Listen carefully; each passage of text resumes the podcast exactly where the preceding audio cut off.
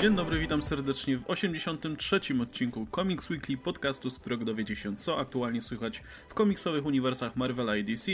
Ze mną jak co tydzień jest Oskar Rogowski, komiksomaniak. Cześć wam. I Adam Antolski, Ankol Mruwa. Hej wszystkim. I od ostatniego odcinka minęło trochę czasu, w związku z tym nazbierała się cała basa rzeczy, o których chcie, chcieliśmy powiedzieć i to nie tylko komiksów, które zakładaliśmy omówić w tym odcinku, ale też e, informacji ze świata komiksowego i to naprawdę dużych informacji, no, które nie możemy, których nie możemy możemy pominąć, więc od nich zaczniemy. Zobaczymy, ile nam to zajmie. E, mamy taki plan, żeby nagrać taką jedną długą sesję i po prostu podzielić to ewentualnie na dwa odcinki, jeśli będzie taka potrzeba. Więc jeśli w tym odcinku, w tym, którego słuchacie teraz, e, nie będzie omówień komiksów albo wszystkich newsów, cokolwiek, to kolejny pojawi się prawdopodobnie bardzo niedługo, bo były nagrywane jednocześnie. To tak w ramach e, uzupełnienia, czy raczej e, wyjaśnienia i przejdźmy sobie w takim razie do tych dużych informacji, które gruchnęły mm, ostatnio z obozu Marvela i DC też w sumie jednocześnie. E, I może zaczniemy chronologicznie. Najpierw, co nas e, zaskoczyło i może tutaj taka mała, mała, mały element zakulisowy. W poprzednim odcinku był fragment, który został wycięty, bowiem mówiliśmy wtedy o, o Brianie Michael Bendisie, no i o tym, że generalnie gość się trochę wypala. To jest stały temat naszych podcastów, nie, nie, nie oszukujmy się. Wtedy to mówiłem chyba w kontekście Spidermana, tego z Milesem Moralesem, ale zdaje się, że to wyszło też na taką dłuższą dyskusję. I wniosek był taki, wniosek, do którego doszliśmy był taki, że no w sumie fajnie jakby się rozstał jednak z Marvelem i myślę, że to wszystkim by zrobiło dobrze. Na pewno by skorzystał tę serię Marvelu i prawdopodobnie sam, sam Bendis też by nabrał trochę więcej motywacji do pisania lepszych rzeczy. E, nagraliśmy ten odcinek, wypuścili, już zaczą, zacząłem go montować i wtedy nagle pojawiła się informacja, że Brian Michael Bendis podpisał e, wieloletni i bardzo tutaj rozbudowany kontrakt z DC Comics i niebawem przejdzie do tego wydawnictwa. No i w związku z tym trzeba było tam ten fragment wyciąć, bo się zdezaktualizował bardzo szybko i po prostu cała ta dyskusja była trochę bez sensu wówczas ale myślę, że to już sugeruje, jakie jest nasza, nas, nasze nastawienie, powiedzmy, do tej informacji, bo ja się bardzo cieszę i nie cieszę się tylko tym, że o, Bendis odchodzi, opisał chujowe rzeczy, e, ale, ale to jest dokładnie to, co mówiłem. Myślę, że, że to był świetny ruch dla wszystkich, bo w zasadzie wydaje mi się, że wszyscy na tym skorzystają i sam Bendis, bo e, możliwość pisania dla DC, to myślę, będzie ogromny kop motywacyjny i też będzie musiał się faktycznie trochę wysilić tutaj i w, jakby wstrzelić w to, co aktualnie teraz DC wychodzi. E, I DC Comics korzysta, bo dostanie gościa, który ma ogromny dorobek, który ma ogromne doświadczenie, a z, te, z tych informacji wynika, że Bendis nie będzie tylko jakimś tam scenarzystą w DC, tylko będzie odpowiadał za wiele innych rzeczy. Prawdopodobnie będzie się też dokładał właśnie do działki e, redaktorskiej, może będzie zaangażowany w filmy na przykład, kto wie. E, w każdym razie, no to be, będzie odpowiadał na pewno za dużo więcej rzeczy niż po prostu jakieś tam parę serii komiksowych, aczkolwiek na pewno będzie coś tam pisał. No i oczywiście skorzysta na tym Marvel, bo na miejsce Bendisa przyjdą jacyś inni autorzy, jacyś inni autorzy wezmą w obroty Milesa Moralesa czy, czy inne postacie, które myślę, że dołowały z, z racji tego, że, no, że nam się ten autor trochę wypalił. No tak jest w każdym razie moje zdanie. Słucham was, co, co myślicie o tym dużym, naprawdę dużym, chyba największym od bardzo dawna transferze mm, w świecie komiksu? Ja się trochę boję, to znaczy, to jest dobry strach, dlatego że się boję, ale jestem podekscytowany, dlatego że z tego może wyniknąć bardzo wiele dobrych rzeczy. E, może wyniknąć też złych rzeczy, i to jest związane z tym, że e, przynajmniej z tego, co ostatnio ustanawialiśmy, Bendis ma troszeczkę problemy w, e, w jak gdyby akceptowaniu czy honorowaniu ciągłości fabularnej, a w DC to obecnie to jest dosyć ważne. Zobaczymy niemniej. Jak do tej pory chciałem powiedzieć tylko, że o dotychczasowych związkach Bendisa z DC są dwa. I jeden z nich to jest jeden komiks, który napisał dla DC, jedyny komiks, jaki napisał dla DC, i to była historia w Batman Chronicles.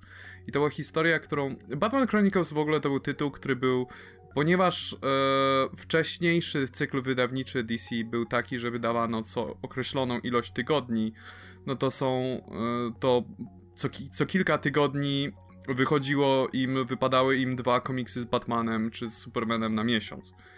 E, bo po prostu się idealnie to nie składało z miesiącami. I Batman Chronicles to był zawsze ten drugi tytuł z Batmanem, taki uzupełniający, żeby im się jakby cykl wydawniczy nie psuł. Więc oni to wydawali raz na kwartał, czy raz na dwa kwartały, czy coś w tym stylu.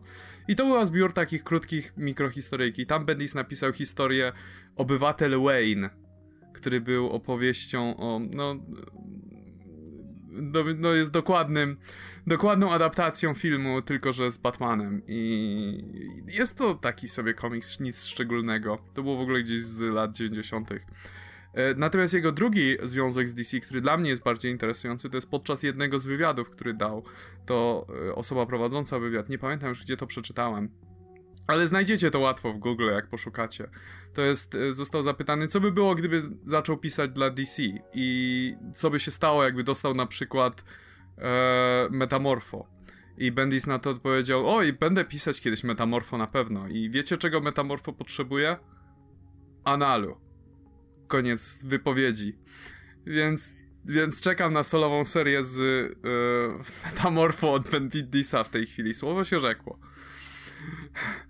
E, natomiast e, myślę, że to będzie gość, który nie będzie się obawiać eksperymentować z tymi postaciami DC. Jak gdyby odnoszę wrażenie, że e, w obecnym, jak gdyby takiej atmosferze Rebirth, jak gdyby wielu scenarzystów takich mniej uznanych boi się eksperymentować. E, oczywiście jest Snyder, ale no ja mówię tak jak gdyby o ogóle. I wszyscy starają się być super klasyczni i tak dalej. I Bendis może to przełamać w taki zdrowy, ciekawy, interesujący sposób, więc to jest taki, tylko że to może odpali się w twarz, jak gdyby, więc zobaczymy. No uważam, że to jest pozytywna informacja, bez względu na to, czy jest się fanem Marvela, czy DC, czy czyta się tak jak my tutaj jedne, jedno i drugie. Bo z jednej strony mamy takie serie właśnie jak Miles Morales, która jest... Yy, chciałbym poczytać o tym bohaterze i znowu go polubić, ale nie mogę, Bendis mi nie pozwala. No ale też z drugiej strony jest Jessica Jones, która uważam, że dalej fajnie Bendis pisze. Ale no zawsze fajnie byłoby zobaczyć, jakby ktoś kiedykolwiek w życiu napisał ją inny, a zawsze pisał ją tylko i wyłącznie Bendis. Już było powiedziane, że jakaś, e, nie wiemy dokładnie kto, ale Bendis powiedział, że jakaś kobieca scenarzyst, scenarzystka jakaś to dostanie po prostu. Więc hej, zawsze inne spojrzenie. Zobaczymy jak będzie pisana teraz Jessica. E, I no to jest super. To, to, to są serie, które potrzebują naprawdę Iron Man, no come on, to przecież wysz, wyszedł mu ten początek All New, ale potem tego się czytać prawie nie dało. I Bendy zapewnia, że te wszystkie jego postacie, które on tam natworzył, a stworzył ich w Marvelu naprawdę sporo i jakby ktoś nie wiedział, nie tylko Jessica Jones czy Miles Morales są dużymi postaciami, ale na przykład znana też w dużej mierze przez serial Daisy Johnson, czy Maria Hill. Maria Hill to jest naprawdę duża postać w Marvelu. To są wszystko kreacje Bendisa. I on powiedział, że generalnie Riri i tak dalej, że ktoś to będzie dalej ciągnął i to jest fajne, bo mówię, to, to, to jest coś, czego bardzo Marvel potrzebuje, jeśli o to chodzi. To są rzeczy, który, których naprawdę chciałem zobaczyć kogoś innego. A z drugiej strony, ja bardzo lubię masę rzeczy, które Bendis napisał. I sobie wyobrażam, że jeżeli on dostanie teraz nowe zabawki, nową piaskownicę, wszystko nowe, że tak powiem, i trochę, trochę jednak tej presji, nie tak jak w Marvelu, gdzie mógł sobie już właściwie robić, co mu się podoba i, i właśnie trochę ignorować czasem continuity, co wkurwiało. E, tak tutaj troszkę będzie miał większą presję, bo będzie musiał się trochę wykazać, nawet mimo, mimo tego, jak duże stanowisko, jak dużą kontrolę dostanie, to cały czas jakaś tam presja będzie. E, Zawsze i... będzie nowy, prawda? No właśnie, i, i mimo tego, i, do, i, właśnie dojdzie to, a to jest gość, który potrafi tworzyć rewelacyjne historie, rewelacyjne postacie same w sobie. Może stworzy jakąś nową postać w DC, która zostanie, tak jak Miles czy Jessica, zostanie później zapamiętana. Kto wie, gość naprawdę ma talent, żeby to robić i faktycznie jak już jak nie będzie miał tego rozleniwienia, to ja z przyjemnością sięgnę po jego serię w DC. Zobaczę, co on tam ma do zaoferowania, więc według mnie to jest świetna wiadomość z każdej strony. No pytanie jeszcze, co mu dadzą i czym się będzie zajmować. Osobiście wątpię, żeby się zajmował eventami i wątpię, żeby mu dali cokolwiek związanego z Batrodziną. Przynajmniej na początku. No właśnie, to zastanówmy się, w, co, w jakiej roli. Znaczy, tak jak mówiłem, no, Benny prawdopodobnie będzie odpowiadał za znacznie więcej rzeczy niż tylko serie komiksowe, ale załóżmy na moment, że powiedzmy dostałby, nie wiem, trzy serie do pisania w DC. E, niezależnie w jakim princie, po prostu trzy serie. W jakim charakterze byście go widzieli? Jak autora jakich, jakich historii albo jakich postaci? Zacznę od oczywistego, czyli Teen Titans. E, Teen Titans, ten, nie mówię o Titans, Teen Titans to jest zespół, który no, ma ostatnio sporego pecha, jak gdyby nawet obecne z Rebirth nie jest jakoś szczególnie zachwycające, a Bendis ma ogromny talent w pisaniu młodzieżowych postaci, dzieci, dzieci i tego typu, i, i relacji między nimi. więc myślę, że to byłby idealny tytuł dla niego. I to jest do, też dosyć wysokoprofitowy tytuł, więc myślę, że to, byłaby, to byłby oczywisty wybór na początek. Ja myślę nawet wyżej, czyli Justice League, bo Hitch wiadomo. Dobra, ile już o nim mówiliśmy, może więcej nie musimy. E, zmienia się teraz scenarzysta, co prawda, Justice League, ale pamiętajmy, że Bendis dopiero kończy Marvelu z końcem roku. Jeszcze do końca grudnia będzie pisał w Marvelu, czyli jeszcze cały czas może być ta rotacja. A warto pamiętać, że New Avengers, które Bendis odkurzył w 2004 roku, jak dobrze pamiętam, był ogromnym hiciorem. To był moment, w którym y, Bendis się naprawdę sprawdził, pisząc najpierw tą główną drużynę Avengers, który był Iron Man, Kapitan Ameryka, Spider-Man, Wolverine, Luke Cage też Sentrego odkurzył na przykład właśnie Bendis, Sentry do dzisiaj jest jakoś tam pamiętany, a potem przeszedł na tą drugą, jak rozszczepiona Avengers na dwie drużyny, to dalej kontynuował swoją z Cage'em, oczywiście i Jessica jego, jego ulubioną parą. E, I, I to mu wychodziło. I co by nie mówić, nie Avengers Bendisa było rewelacyjne. I wydaje mi się, że mógłby też i Justice League udźwignąć. Więc, więc z tych dużych tytułów to nawet Teen Titans jest też sensownym pomysłem, ale wydaje mi się, że Justice League też. Znaczy, wydaje mi się, znaczy wiesz co, to nie mam nic przeciwko, na pewno chętnie bym przeczytał Justice League Bendisa, ale to myślę, że nie teraz, to znaczy dopiero co ten tytuł dostał Christopher Priest, więc nie sądzę, że mu mieli zaraz, zaraz wiesz, dwa miesiące później zabrać i okej, okay, sorry, ale tutaj wszedł, wiesz, większe nazwisko przyszło, więc musimy go oddać, ale kiedyś na pewno, ale może też na przykład dostać po prostu ten, ten drugi tytuł z Justice League na no, przykład, no, nie? Tak jak było New Avengers. go przekształcić tak, tak, tak, coś, tak jak było no. New Avengers, jako ten drugi, na początku była główna seria, ale potem się rozbiło i New Avengers to była ta druga drużyna. Czy ta druga? No, był w niej Spider-Man i Wolverine, więc była druga, ale popularniejsza. Nie była Ironmana i Kapitana, ale no właśnie, ale mógłby wziąć Justice League of America i, i, i to jakoś ogarnąć. Też czemu nie? No możliwe też, możliwe też, że weźmie jakąś postać, która jego po prostu interesuje, z jakiegoś, wiesz, z, z mniej znanego zakątka uniwersum DC na podobnej zasadzie jak Grant Morrison zaczynał z Animal Manem. E, może weźmy tego metamorfo czy coś w tym stylu i będzie miniseria o jego przygodach seksualnych. Bardzo na to liczę. Ja, ja bym stawiał też, że jego nazwiskiem można by całkiem fajnie podpromować jakąś serię w tym nadchodzącym Dark Matter. I tam może dostać coś, jakiś tytuł, albo z postaciami, które sam wymyśli sobie, albo z jakąś postacią wziętą po prostu z dupy, nie? Tak jak, tak jak to sporo znanych um, autorów komiksowych będzie te postacie prowadzić.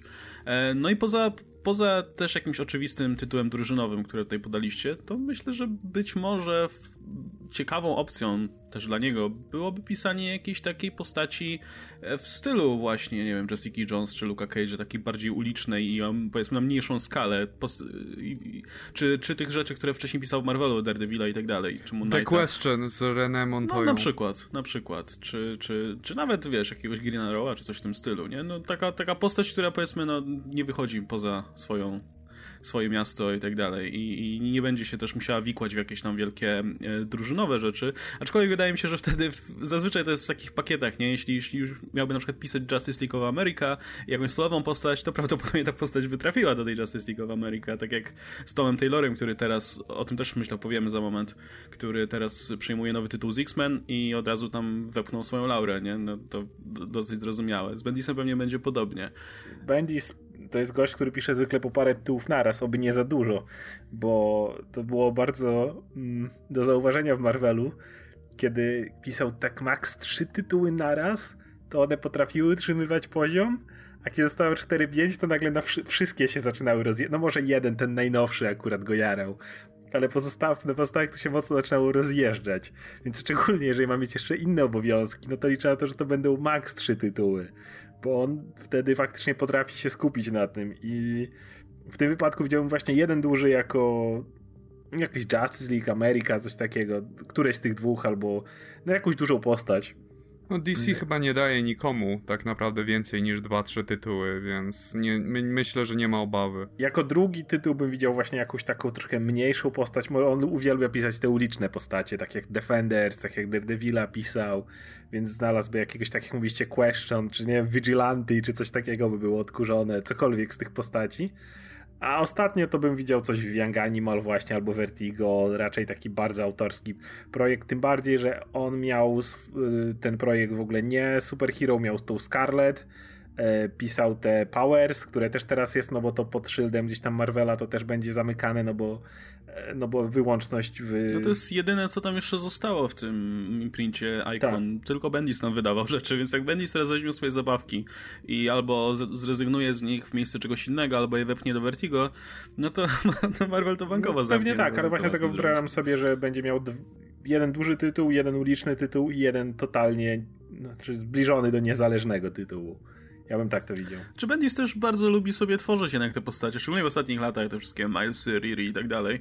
Więc myślę, że, że by, można by też przewidywać, że gdyby miał powiedzmy pracować tak jak Marvelu, to prawdopodobnie też wymyśli jakąś postać i, i, stworzy jakąś od zera. Albo to zrobi właśnie w tym głównym uniwersum, albo myślę, że właśnie jeszcze bardziej prawdopodobne jest to, że będzie mógł sobie poeksperymentować w tym Dark Matter, bo tam się sporo nowych postaci wykiełkuje, więc... Myślę, że to jest Dark Matter to jest dobry trop i to się wiąże też z odmienną polityką obu wydawnictw. Jak gdyby Marvel przez ostatnie lata właśnie z okresu Alonso miał taką politykę jednak podmiany bohaterów Legacy Heroes i tak dalej, podczas gdy DC jak gdyby teraz przynajmniej z tymi różnymi różnymi tytułami, które są zapowiedziane, wydaje się mieć e, zupełnie, trosz, no nie zupełnie, ale troszkę inną politykę polegającą na wprowadzaniu zupełnie nowych bohaterów. I myślę, że jednym z głównych jak gdyby narzędzi ku temu ma być Dark Matter, więc wydaje mi się, że tutaj Bendis jak gdyby pasowałby jak ulał. To ma sens, dlatego że mówiliśmy wielokrotnie o tym, że ten Dark Matter to bardzo ryzykowna sprawa, bo widzieliśmy po Mozaiku i paru innych bohaterach ostatnio. Nawet też w DC, jak próbowali robić te DCU po New 52, że nowe, tudzież zmodyfikowane postacie to, to niekoniecznie działają i ciężko je bardzo sprzedać, ale jeżeli podepniesz pod to duże nazwisko, to jest zawsze szansa, że jednak się coś tam z tym uda ugrać. No właśnie, więc myślę, że to, to by było, że DC na pewno chciałoby, żeby Bendis tam siedział na w dużej mierze. żeby tam siedział. Idź Bendis tam i siedź. nie, nie mówię, że wiesz, żeby go odizolowali w jakiś sposób. Wydaje mi się, że przynajmniej jeden tytuł taki tak. bardziej mainstreamowy będzie mieć wciąż, ale wydaje mi się, że e, to by był jak gdyby mocny as w rękawie ze strony DC, gdyby mieli Bendisa na Dark Matter, bo inaczej to jak gdyby same tytuły i same zapowiedzi, jak gdyby historii, same z siebie nie są tak super ekscytujące, więc potrzebują czegoś jeszcze, żeby to wypromować. No, to prawda. I jeszcze tu warto a propos zaznaczyć, że Bendis jeszcze ogłosił, że na koniec z Mar Mar współpracy z Marvelem e, jeszcze jedną nową postać jakąś Marvelu stworzył, którą, która gdzieś tam się pojawi, jakiegoś, nie wiem, czy superherosa, czy kogoś, ale do końca jego pracy, do końca grudnia jeszcze mamy dostać jakąś zupełnie nową postać w Marvelu jego autorstwa. Masz jakąś teorię? Żadnej. Jeżeli to... to ma być nowa postać, to, to, nie mam kompletnie pomysłu. No ale to będzie wprowadzona w tych tytułach, które pisze, prawda? Więc, więc jest pewien limit tego, co może stworzyć, prawda? No, teoretycznie, ale on ma też bardzo różnorodne jednak tytuły, bo w Spider-Manie może robić jakichś takich dziwnych. On tam tw nieźle tworzy, ale przyciąga jakichś dziwnych złoczyńców i, i nowe osoby. Tam ostatnio z okładki widziałem, bo nie chce mi się tego czytać naprawdę. Ma być nowy Iron Spider bodajże. E, Jessica Jones raczej wątpię, żeby coś nam się nowego wyjątkowo pojawiło. A w Defenders no, też jakoś tego nie widzę. No, w Iron Manie myślę może, może w Iron Manie coś jeszcze pojawić. Nie? No, ale, na, nie, ale jest, ogólnie nie mam, nie mam jest pomysłu. Ta, ta, ta okładka najbliższa, nie? Z tym, z tą e, postacią, z tą zbroją jakąś, która jest tylko konturami. Może, może to o tą może. postać chodzi, cholera wie. No, ja nie mam pomysłu w każdym razie. To, ma, ma, jest duże to będzie kolejna bardzo. postać, wiesz, in... ale to będzie taka kolejna postać jak Riri, którą po prostu Bendis nagle wyciągnie z kapelusza i okej, okay, macie ale ją. Tak i nie, bo z drugiej strony, jeżeli Bendis daje jakieś ciekawe podstawy, no bo z Riri było tak, że ona sama w sobie nie była nudna, jeżeli pomyślisz o tym, skąd ona się wywodzi, ten cały jej motyw z rodzicami, którzy jej w kółko mówili, że hej, świat jest fajny i tak dalej. Pomysł na Riri był bardzo fajny, po prostu ona została kompletnie źle poprowadzona, źle wprowadzona, no jakby e, fundamenty Udef Bendis stworzył fajne, tylko tego nie pociągnął. Więc jeżeli tutaj stworzy znowu tak w miarę interesujące fundamenty do nowej postaci, i ktoś inny to potem przejmie, to może to ciekawie pójść nawet. Tylko mówię, jest za duże poletko, żeby tu spekulować, bo zupełnie inne postacie są w kręgach Defenders, zupełnie innymi postaciami ma styczność Iron Man czy Spider-Man. Tylko, tylko że wiesz, ja mam tutaj takie obawy, że on to robi na, na pożegnanie, prawda, z Marvelem, więc może chcieć bardzo pospieszyć wprowadzenie tej postaci, bo ma niewiele numerów do końca I wiesz, i zawsze może być tak, że jakby nie dokończył prowadzenia tej postaci, to w następnym numerze już by wszyscy o niej zapomnieli. Tej, posta tej, tej, tej postaci, więc E, więc może być taka Riri druga, wyciągnięta z kapeluszu jak i tak to dalej. zaraz ktoś o niej zapomni i przestaną ją pisać, no, ale, ale Riri jakby nie było, będzie dalej kontynuowana. No tak, i szczerze mówiąc, ja jednak i tak najbardziej cieszę się tym, że wreszcie Milesa ktoś będzie pisał inny, bo tak jak mówiłem, to jest w ostatnim odcinku, co w końcu nie, nie, nie ujrzało, mój wywód nie ujrzał światła dziennego, mm, no to, to, to jest postać, która jest chyba najbardziej, przynajmniej w mojej opinii, marnowana od bardzo, bardzo dawna od 2014 e, roku, jak dobrze pamiętam, kiedy się zaczął, kiedy był relaunch tego Ultimate Spidermana. I od tamtej pory, od tamtej pory ta postać nic się nie ruszyła, nic się ciekawego z nią nie stało, cały czas wałkowa wałkowaliśmy te same motywy, a jak się skończyły, to po Secret, Secret Wars e, Miles trafił do tego świata i można było je wałkować od nowa, bo znowu jego rodzice żyli i można było spokojnie znowu się jednego z rodziców pozbyć i wprowadzić dramę i tak dalej. Aczkolwiek Bendy zrobił z Milesem coś bardzo ciekawego według mnie w serii, której na pewno nie przeczytałeś w końcu, czyli Spider-Man 2. No kiedy nie. pokazał, jak wygląda Miles Morales żyjący w tym świecie, który jest stąd. I uważam, że to było bardzo fajnie zrobione, ale. Ale to jest tak no, inna postać trochę, bardziej chodziło o jakieś tam lustrzane odbicie czy coś takiego, ale w każdym razie to był bardzo fajny pomysł ale poza tym e, No ale trochę mnie zaskoczy, bo szczerze mówiąc myślałem, że to tak działa, że, że wiesz, że jak e, po Secret, Secret no Wars Miles trafi do tego świata, no to będzie tak, tak jakby był w tym świecie od dawna, bo jego rodzina tu jest i tak dalej, wszyscy go znają. Nie. Część nawet jego, jego świata przyniosła tak, się bo tutaj, to, i to, jego ale, wiem, przyjaciele i tak dalej. I tak jest, ale on pamięta, że jest z innego świata i Peter pamięta, że Miles jest z innego świata i parę osób pamięta i no to są właśnie uroki pisania Mendisa, gdzie po prostu rzeczy się zmieniają w locie tak, i tak, musisz tak. się sam pasować ale, do tego. Ale muszę powiedzieć, że pomysł na Milesa z głównego uniwersum był naprawdę oryginalny, więc hej. No dobra. E, a, jeszcze ciekawostka na sam koniec, którą nie miałem się w którym momencie podzielić, więc rzucę ją teraz zupełnie bez kontekstu. Brian Michael Bendis jest też autorem na przykład, tak jak, o właśnie, a propos tego, co Oscar mówi, że o tym, że tworzył wiele postaci, to jest też autorem Ultimate Nicka Fury, e, bo, bo w jego tak, tak, jakimś tak. tam losowym zeszycie się pojawił Nick Fury po raz pierwszy, ten czarnoskóry. Jeszcze nie wygląda jak Samuel Jackson, ale już był czarnoskóry i, i, i był Nickiem Fury z tego uniwersum i potem dopiero pomysł został pociągnięty. Taka ciekawostka, tym bardziej, że ta postać aktualnie jest dużo, no aktualnie powiedzmy dla współczesnych e, fanów jest nawet chyba popularniejsza niż ten klasyczny.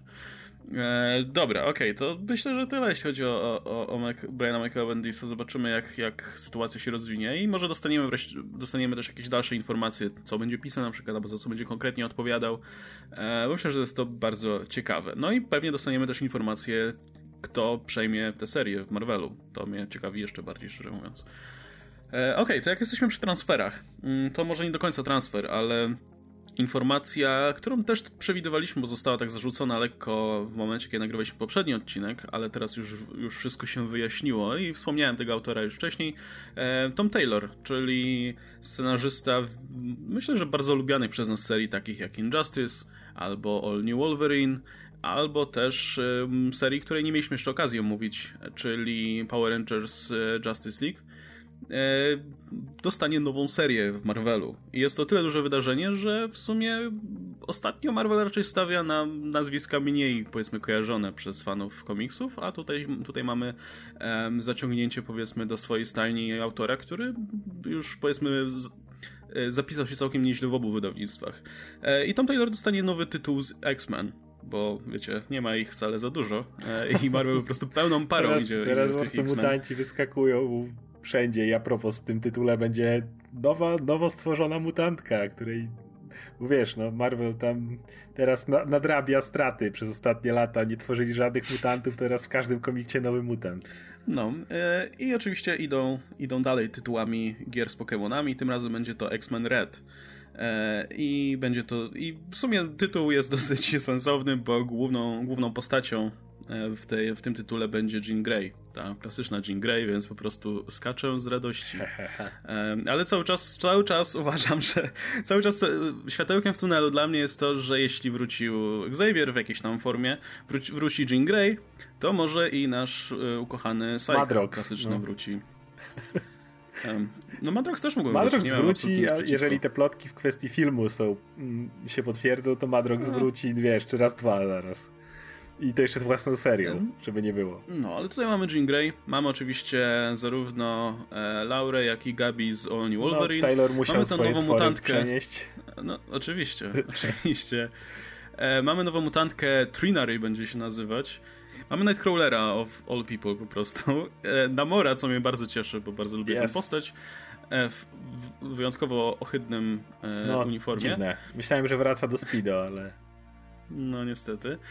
E, no i jednego z tych mutantów, którzy mają grono fanów, ale który jednocześnie nie jest zbyt, nie jest zbyt powszechnie używany powiedzmy w, w seriach, czyli Gentle. To jest Morrisona, który ma... Czy mi się wydaje? No w każdym razie to jest wakandiański mutant, który według mnie to mógłby pasować do lat 90., bo jego moc polega. Nie, no, Chodzi o to jego moc, nie? Bo jego moc polega na tym, że on trochę jak Guido, że zwiększa jakby swoją masę, siłę i tak dalej, tylko że on nie ma nad tym kontroli i to mu zaczyna sprawiać ból i może go zabić, bo, bo, jego ciało nie jest w stanie fizycznie tego wytrzymać. Ale jednocześnie nie pasowałby dla 90. bo się nazywa Gentle. No, okay. Jest znany z tego, że jest bardzo, tak. bardzo pogodnie usposobiony, więc tak. hej. I warto wspomnieć, że te, zajebiste... ta tatuaże, które ma na sobie, właśnie a propos no jego właśnie, mocy, właśnie, są... Właśnie.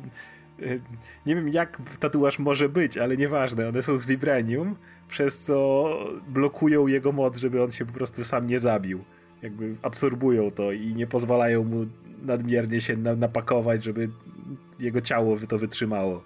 Więc to jest akurat... No i głównie wyglądają fajnie i to jest to pewnie Oczywiście, że tak. No, no i gość jest z Wakandy, nie? Więc... No nie, to, to, jest, to jest postać, która się pojawiła w New X-Men, jak to e, Craig Kyle i Chris Yost pisali. Okay. Notabene scenarzyści Thor Ragnarok. I ciekawe jest jeszcze tutaj to, że Nightcrawler będzie w dwóch drużynach jednocześnie.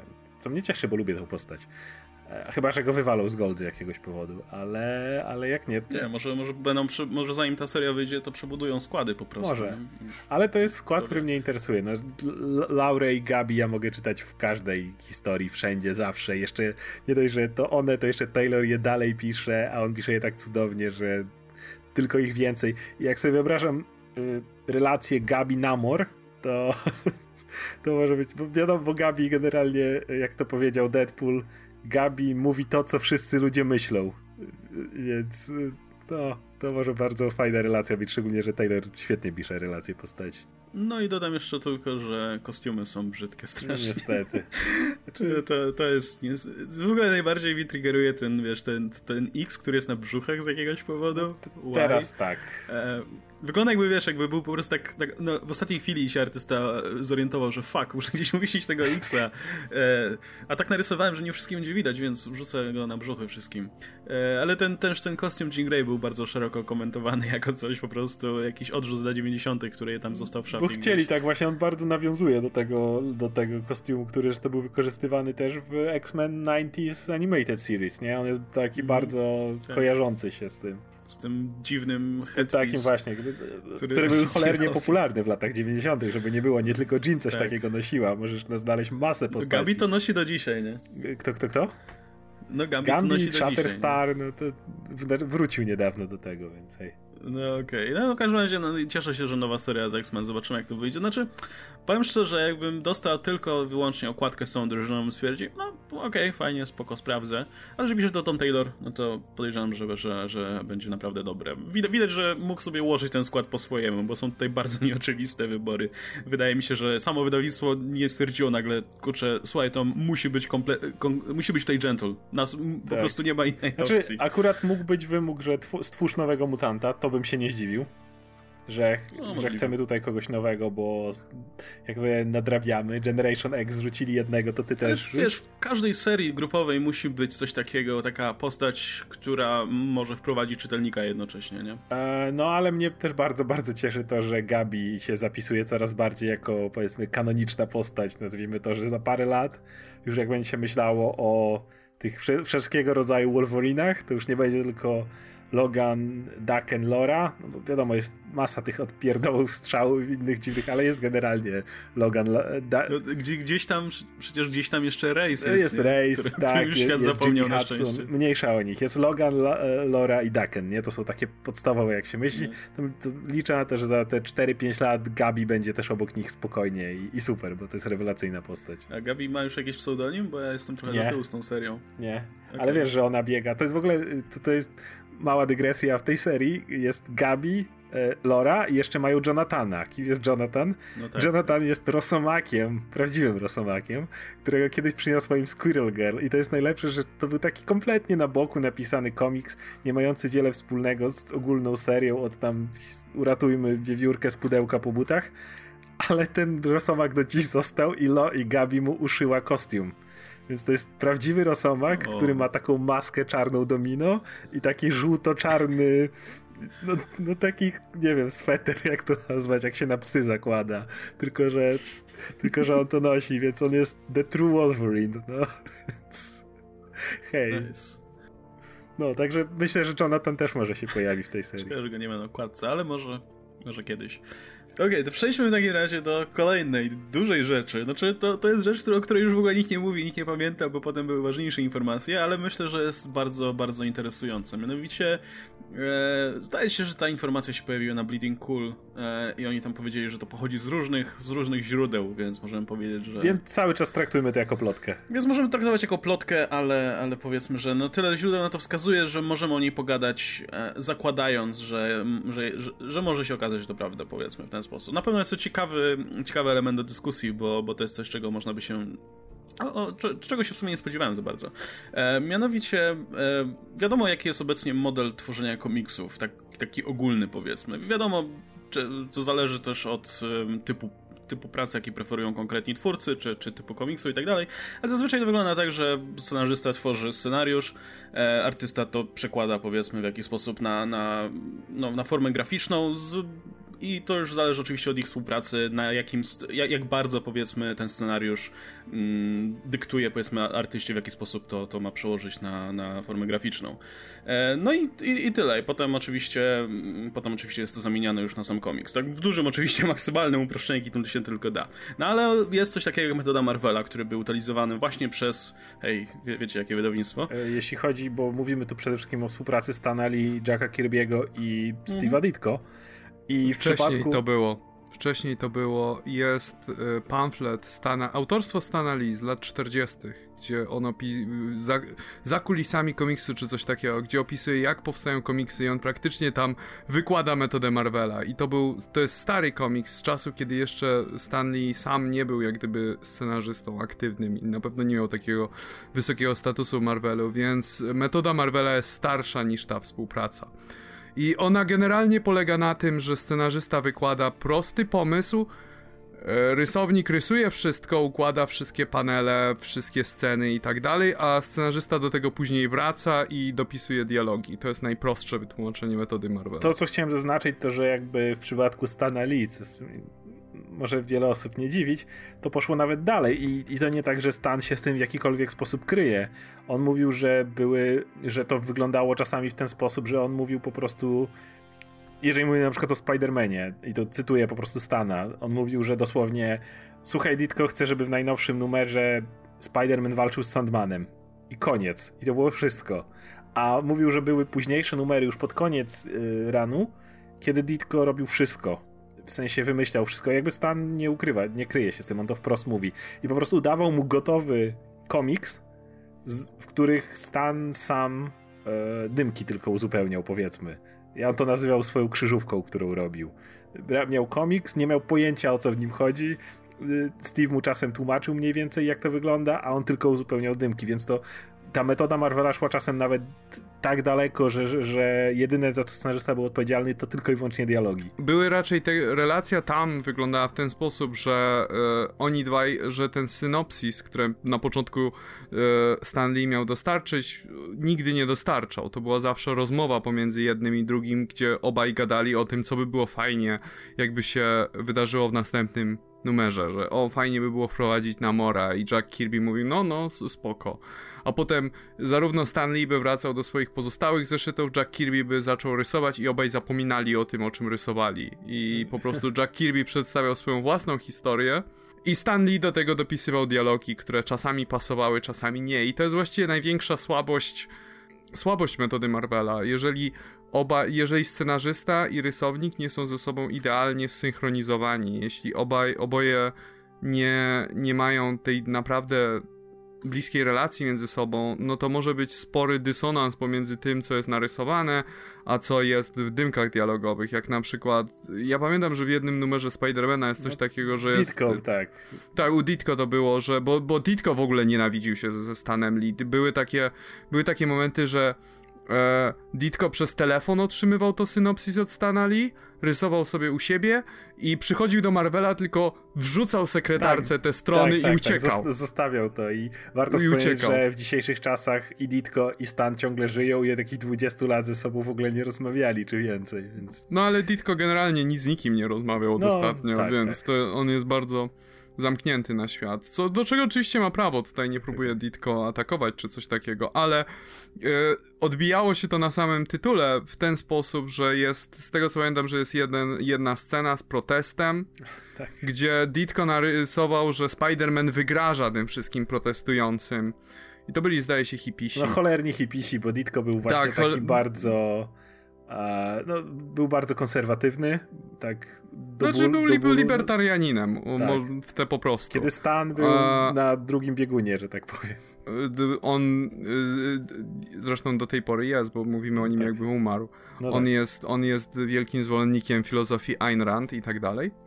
No ale Stan Lee y, jest na kompletnie innym biegunie, no i dodał dymek do tych protestujących, że o, walczcie o swoje prawa, czy coś takiego, co wygląda kompletnie kuriozalnie i można by było tego uniknąć, gdyby obaj potrafili siąść obok siebie i pogadać normalnie na temat tego, co Spider-Man, jak Spider-Man powinien zareagować na tych, na tych y, protestujących i tak dalej. No też wynikało to z tego, że czasami Stan, y, który sam, biorąc ten komiks, nie był pewien, czy grafika jest wystarczająco zrozumiała, a może była, tylko akurat nie dla niego w danej chwili, koniecznie dopisywał no, te sławne wszystkie teksty, które, znaczy w DC one też były, ale w Marvelu właśnie przez metodę Marvela wydaje mi się, że było ich więcej, typu skacze wysoko i kopie przeciwnika w twarz, myśli sobie bohater. To znaczy, to wynikało też z tego, że komiksy musiały mieć określoną cenę i to jest kilkadziesiąt centów. I dzisiaj sobie ciężko to wyobrazić, szczególnie jak patrzymy na te wszystkie cyfrowe reprodukcje klasycznych komiksów. Ale no w tamtych czasach druk był naprawdę zły. I no. żeby utrzymać tę cenę, to po prostu brali najtańsze farby, najtańsze papier, wszystko. Papier toaletowy. Nie? Papier toaletowy, który się niszczył sam. Zresztą jeżeli ktokolwiek miał w rękach jak gdyby taki komiks chociażby z lat 60. czy coś, to wie doskonale o co chodzi.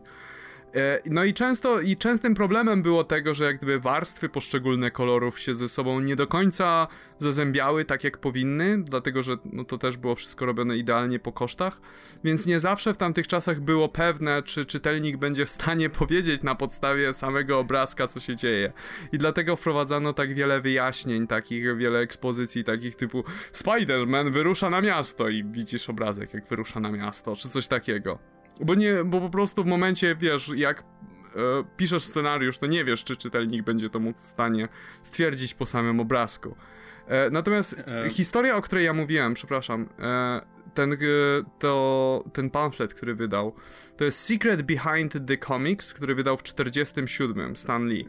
I to jest też, to jest też ciekawa, ciekawostka taka, bo w, w, tym, w tym oto w tym oto tej ulotce takiej krótkiej, kilkunastostronicowej Stanley praktycznie pisze, że Martin Goodman jest twórcą Kapitana Ameryki. No, bardzo. Dlatego, że. Przecież każdy wie, że Stanley jest, więc. Nie, nie ale jego logika w tym momencie, w tym, w tym jest taka, że ponieważ Martin Goodman wybierał pomiędzy tymi, kto zostanie wydany, a kto nie, no to on jak gdyby odpowiada, ma największą kreatywną kreatywny wpływ na powstanie Kapitana Ameryki, bo to on zdecydował, że zostanie wydany.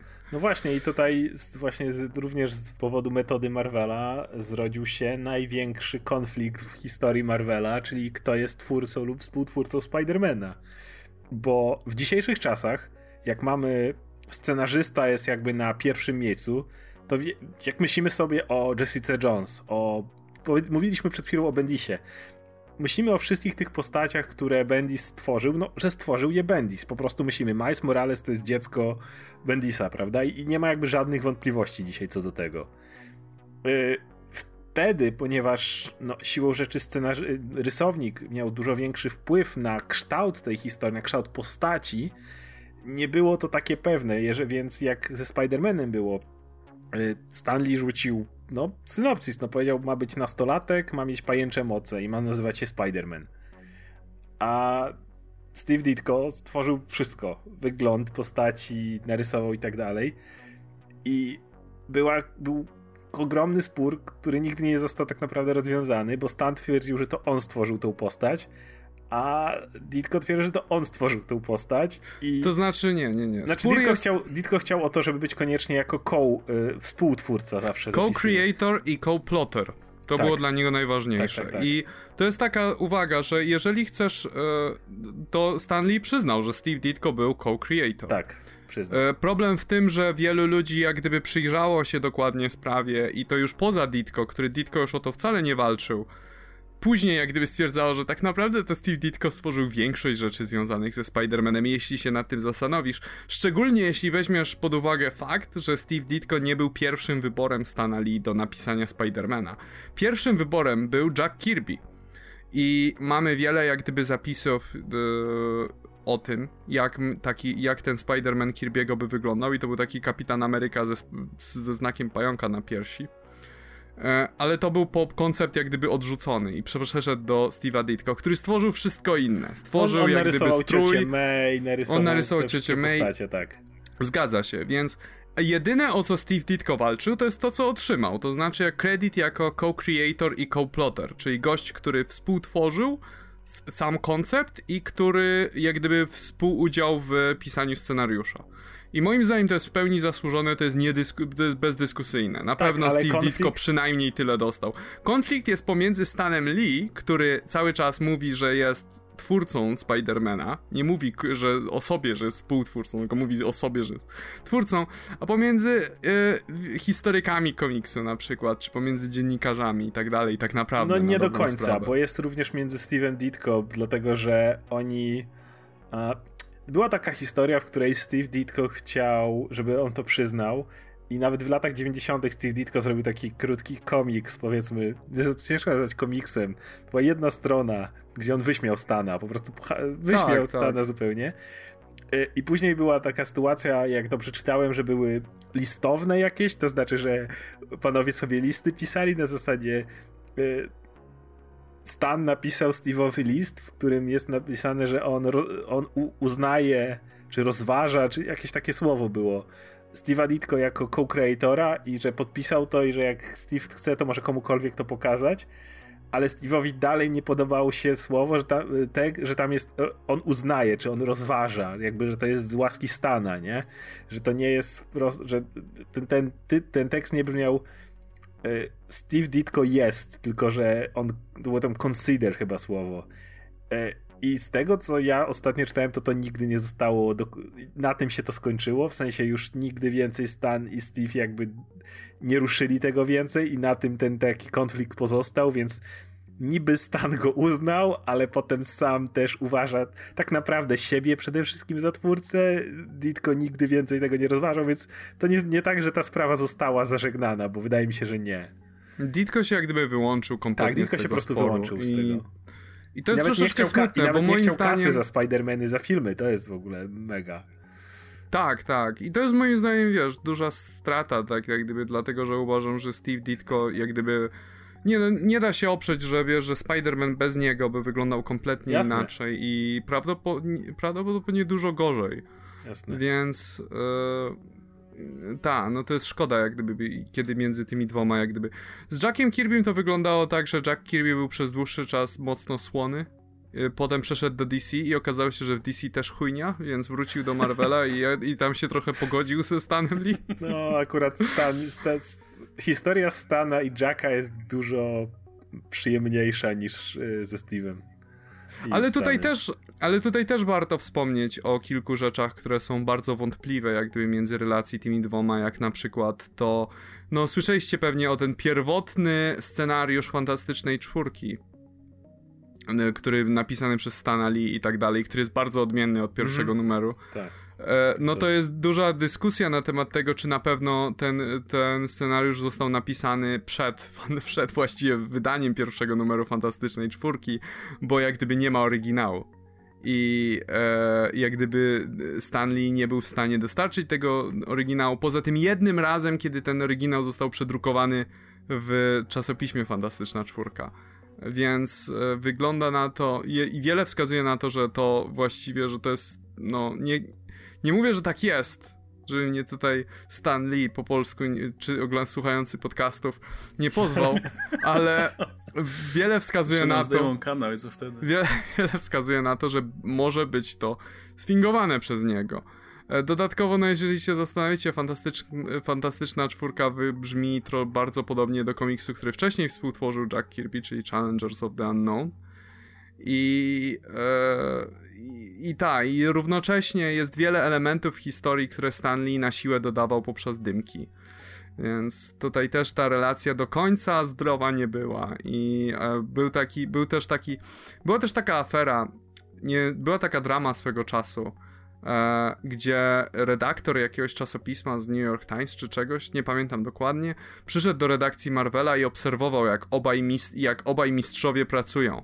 I w tym i w tym artykule y, Stanley tak po prostu okręcił tego redaktora dookoła palca swojego, że wyglądało na to w tym artykule, że Stanley jest geniuszem, który wszystko wymyślił, a Jack Kirby to taki tępy idiota ziemniak, który przychodzi odrobić odrobić robociznę.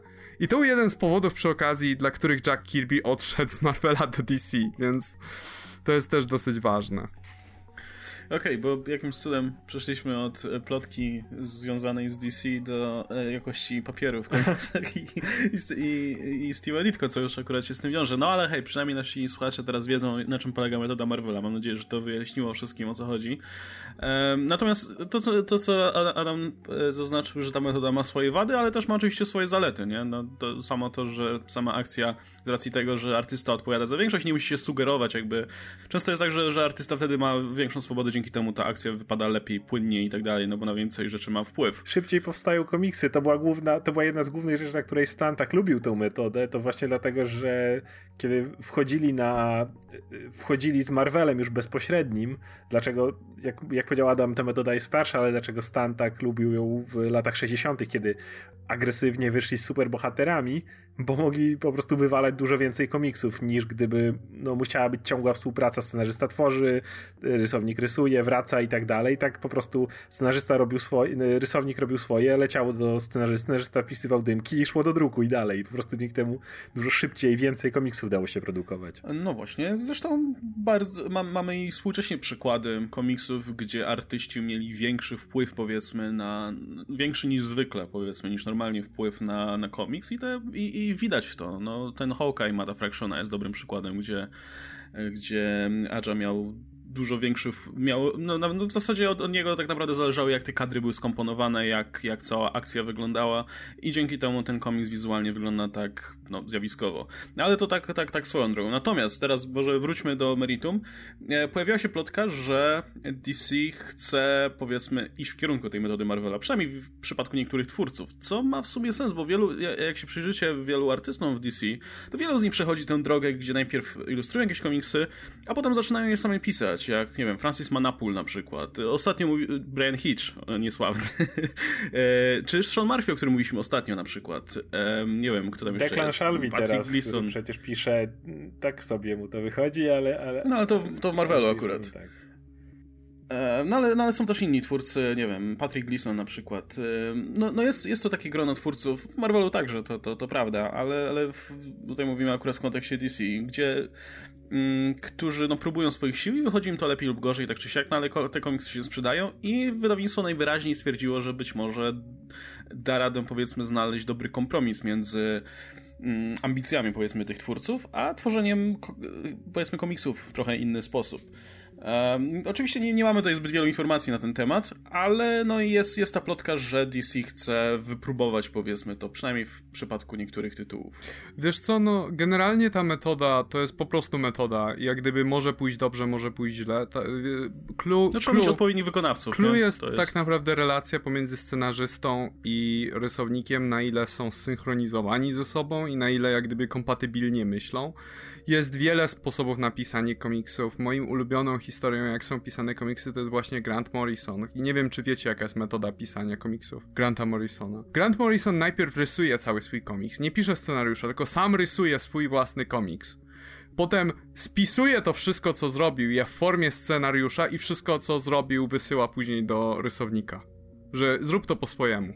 I to jest metoda, to, okay. to, to, w ten sposób scenariusze robi Grant Morrison i jak zobaczycie na e, oryginalne szkice Granta Morrisona, czy jego oryginalne komiksy, bo są, jest kilka fragmentów jak gdyby dostępnych na internecie, to są kompletnie odmienne od, ostatni, od ostatnie finalnego dzieła, więc jest sporo też dyskusji pomiędzy właśnie e, scenarzystą i rysownikiem, co by działało, co by było dobre i tak dalej. I wydaje mi się, że wiesz, scenarzysta powinien jak gdyby pełnić tutaj rolę przede wszystkim reżysera, który trzyma pieczę nad całością, żeby całość wyglądała dobrze. Natomiast artysta powinien mieć sporo wolności w kwestii jak gdyby indywidualnej sceny, indywidualnego kadru, czy relacji pomiędzy nimi i tak dalej. Jako, nie wiem, operator kamery, czy coś w tym stylu. Jakby rozumiecie, o co mi chodzi. Jak gdyby to jest też, to jest też silna praca kreatywna. To nie jest po prostu odtwarzanie tego, co jest w scenariuszu. To jest też sporo, powinien dawać od siebie. I jeżeli obie wizje są w tandemie, jeżeli scenarzysta i rysownik jak gdyby myślą na tym samym poziomie i jak gdyby są zsynchronizowani idealnie, no to wtedy powstają moim zdaniem dobre komiksy tak naprawdę. Tylko, że no tak jak mówisz, to jest po prostu metoda i ja nie, nie widzę ani jej jakby przewagi, to znaczy ona ma mocne strony i słabe strony, tak jak w drugą stronę, jakby to nie jest coś wiesz, o, o wow, to, to, to teraz to będzie się działo, czy coś takiego. Dla mnie to jest takie, no okej, okay, no możesz mieć, tak jak mówisz, yy, ta synchronizacja pomiędzy rysownikiem a scenarzystą jest też istotna, kiedy to działa w drugą stronę, kiedy, czyli kiedy Nie, to jest zawsze, to jest, no właśnie, to jest zawsze to jest ważne. zawsze ważne.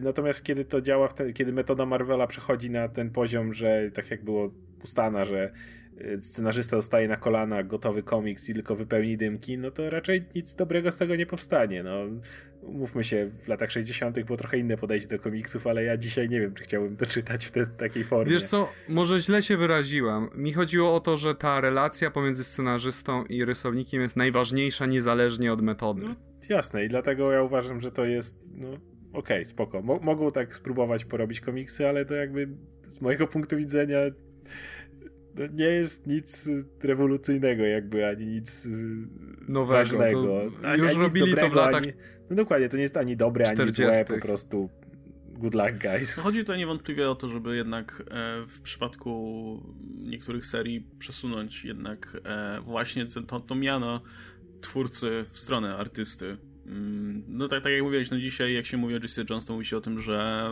że, że Bendis jest jej autorem, nie? a nie, e, nie Michael Gaidos. Mm, I być, być może po prostu, no jeśli DC uważa, że ma takie duże pokłady kreatywne wśród artystów, jeśli chodzi o tworzenie historii, tworzenie postaci i tak dalej, ale jednocześnie na przykład nie są przekonani co do, nie wiem, co do, co do tego, że ci ludzie ogarniają jakby całą robotę scenarzysty, to może być bardzo dobry, jakby dobry krok w kierunku dobrego zutylizowania ich, ich umiejętności, bo w sumie teraz do mnie dotarło, że ci wszyscy twórcy, których wymieniłem tutaj, jak Manapul, e, Hitch, e, Sean Murphy, no to trochę narzekaliśmy jednak na ich komiksy. To bez wyjątku w zasadzie. I kto wie, czy, czy po prostu nie.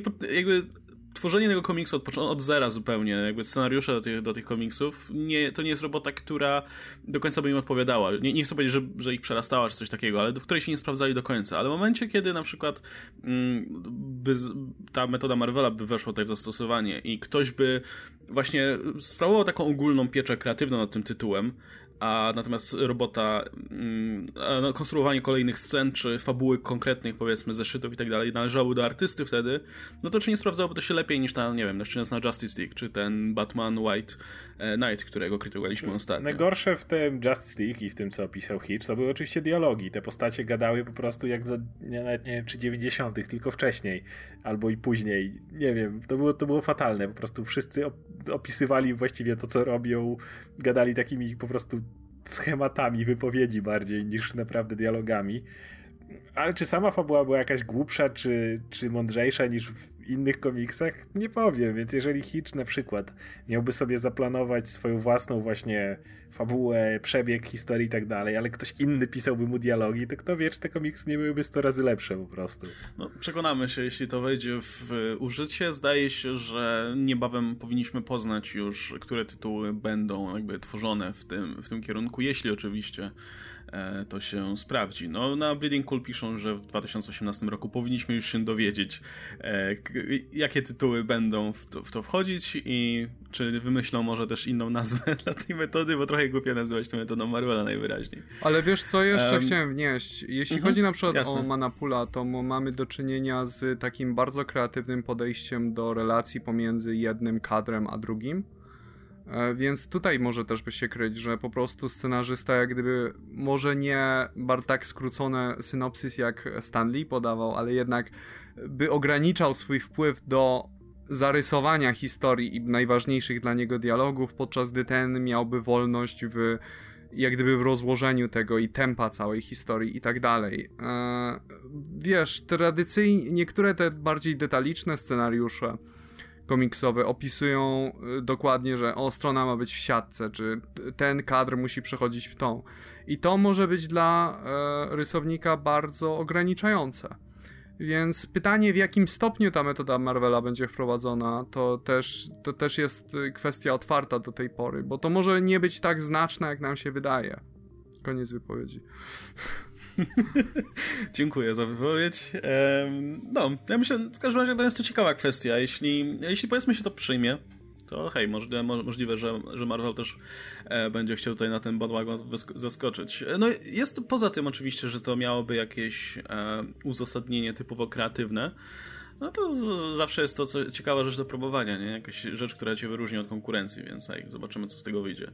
E, zanim przejdziemy jeszcze do myślę, kolejnego dużego tematu, dużego newsa związanego ze światem komiksu, to jeszcze, jeszcze dużo mniejsza rzecz, o której chciałem pogadać. Mm, krótko w zasadzie i w zasadzie też poinformować czytelników. E, szykuje się coś takiego jak Avengers No Surrender i o tym mówiliśmy jakiś czas temu.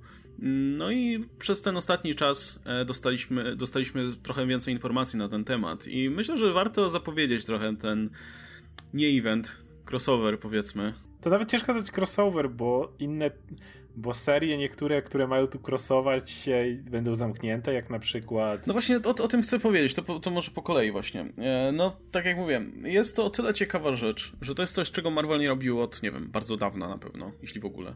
E, gdzie mamy trzy serie z Avengers, które trwają sobie obecnie. Mamy, mamy Avengers, mamy e, Avengers, no i mamy cały czas to Uncanny Avengers, I teraz ci twórcy, którzy pracują nad tymi serialami, będą wspólnie tworzyć jedną serię, tygodnik. Tylko, że jednocześnie jakby cały czas jest ten sam zespół kreatywny złożony z twórców tych trzech zeszytów, no i mamy oczywiście obsadę z tych trzech tytułów z Avengers zaangażowaną w ten jeden tytuł.